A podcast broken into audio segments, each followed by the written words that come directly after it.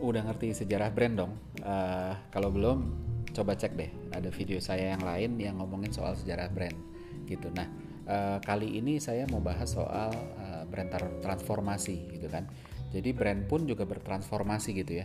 Awalnya brand ini uh, digunakan sebagai pembeda gitu kan. Pembeda itu bukan cuma sekedar beda merah, kuning, biru enggak, tapi juga beda itu beda penanda pembeda terhadap kualitas di dalamnya. Ketika logonya ini kualitas produknya kurang lebih kayak begini. Ketika logonya apalagi kualitasnya juga bisa beda lagi. Jadi memang memang benar-benar berbeda gitu ya.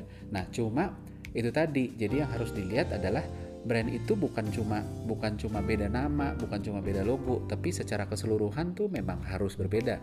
Maka dari itu kalau kalau apa ya teman-teman uh, pemilik brand datang ke apa namanya ke agency gitu ya ke konsultan selalu ditanya brand ini bedanya apa sih dibanding itu? Ada yang namanya USP unique selling proposition.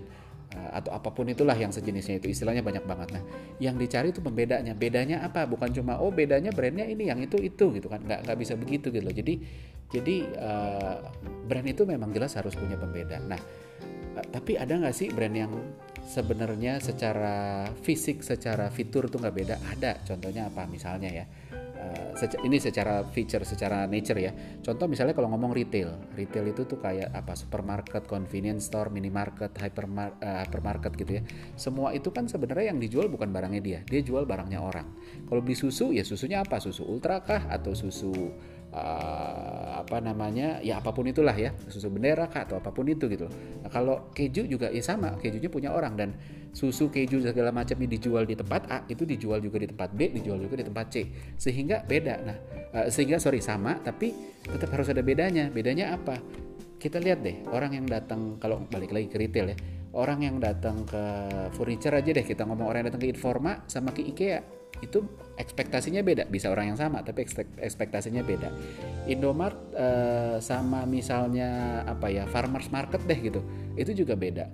Sogo sama Metro juga ada bedanya. Di Benham ya semua itu semua beda gitu dah.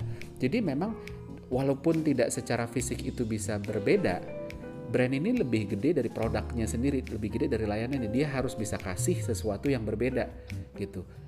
Bisa dari sisi layanan lebih baik, bisa dari atmosfernya lebih enak, bisa dari pilihan lebih lengkap, bisa dari karakternya yang lebih lebih keren aja gitu kan. Jadi hal-hal kayak gitu yang harus harus dibangun. Nah, uh, awalnya pembeda tuh habis jadi penanda gitu ya. Brand mulai berubah jadi penanda uh, penanda dalam arti apa? Oh kalau misalnya beli produknya Toyota udah deh aman harga jualnya pasti bagus gitu kan nggak susah-susah nanti uh, uh, cari tempat servis gitu kan bengkel mana aja bisa gitu kan harga jual juga oke okay. nggak rewel dan lain sebagainya kalau milih komputer misalnya udahlah kalau produknya Apple tuh udah aman lah udah pasti keren uh, bagus reliable dan lain sebagainya terus elektronik misalnya oh kalau kita pilih elektronik uh, apa namanya consumer elektronik kayak Samsung gitu ya entah kulkas entah mesin cuci entah apa pun udah deh aman gak usah pusing gitu. Nah kenapa itu bisa terjadi? Karena brand ini dijaga dengan ngejagain uh, apa ya mutunya konsisten. Jadi uh, garansi atau garansi dalam tanda kutip ya itu dijaga gitu. Maksudnya memang saya menggaransi bahwa produk ini kualitasnya sesuai itu tugasnya brand. Dan akhirnya brand ini jadi penanda gitu ya. Nah tapi uh, apa namanya dalam tahap tertentu malah brand ini bisa menciptakan sugesti terhadap produknya itu sendiri. Kalau awalnya dibilang uh, brand itu sebagai apa ya sebagai sebagai penanda doang bahwa produk ini tuh kalau produknya brandnya ini tuh bagus ini bisa kebalikan. Ketika brand udah begitu gede kita pun juga bisa lebih apa ya mengcreate sugesti bahwa produk ini lebih bagus. Contoh apa? Saya kalau bawain workshop gitu ya, saya selalu ngelakuin namanya water test. Water test tuh gini, saya keluarin uh, apa namanya air mineral yang harganya ya berapa lah 5000 satu botol, terus saya keluarin yang harganya 35000 gitu kan. Biasanya botolnya botol beling. Nah, terus abis itu sebenarnya di belakang udah saya tuker airnya gitu kan. Udah saya tuker uh, terus abis itu saya tutup lagi sehingga nggak kelihatan kayak itu udah dibuka. Terus abis itu ya udah saya tawarin ini coba kamu cobain yang 5000 satu lagi cobain 35000 terus habis saya tanya lebih enak yang mana sih? gitu kan. Nah sebagian besar itu banyak yang bilang wah yang 35000 nih lebih enak gitu kan terus begitu kita tanya kenapa lebih enak? Dia lebih manis dia nggak terlalu nggak pahit atau apa pun lah. Ya karangannya banyak gitu. Dan itu sugesti. Kenapa? Karena begitu mereka tahu di belakang udah saya tuker baru dia eh ya ya dia agak malu juga. Nah jadi orang-orang mulai mulai ngalamin bahwa itu sugesti. Jadi ketika kita beli brand kalau ketika brand udah segitu gede uh, ketika kita beli pun kita juga apa ya mensugesti diri kita bahwa oh ini ini lebih bagus gitu ya.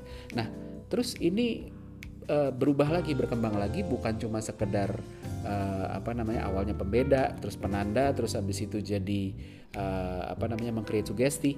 Yang terakhir itu sekarang udah sampai brand ini jadi pembeda konsumen gitu. Ngebelah-belah orang oh kalau contoh misalnya kita suka nggak suka ya kita menilai orang juga salah satunya dari brand apa yang dia pakai.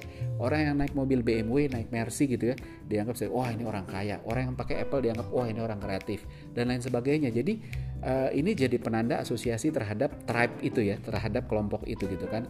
Uh, Apple juga sama pengguna Apple tuh dianggap apa uh, anak Harley itu digunakan sebagai apa gitu kan. Nah semakin apa ya semakin uh, semakin advance satu satu brand gitu ya pembicaraannya tuh jauh dari sisi feature gitu loh. Udah nggak ngomongin lagi dia bisa apa gitu. Bukan berarti feature jadi nggak lebih penting tapi feature itu sudah sudah jadi apa ya jadi hygiene hygiene aja hygiene factor. Jadi kayak udah wajib gitu udah wajib bagus tapi tinggal habis itu uh, saya bisa dapat apa dari sana gitu. Sehingga pembicaranya udah lebih ke tribe gitu kan. Saya masuk kelompok apa sih? Apakah kelompok orang yang trendy atau kelompok orang yang konver, apa konvensional atau apa pun itu gitu loh. Jadi uh, kita sudah mulai diarahkan untuk menciptakan loyalty beyond logic. Gitu kira-kira. Nah tinggal pertanyaannya brand kita tuh sekarang sudah ada di level mana gitu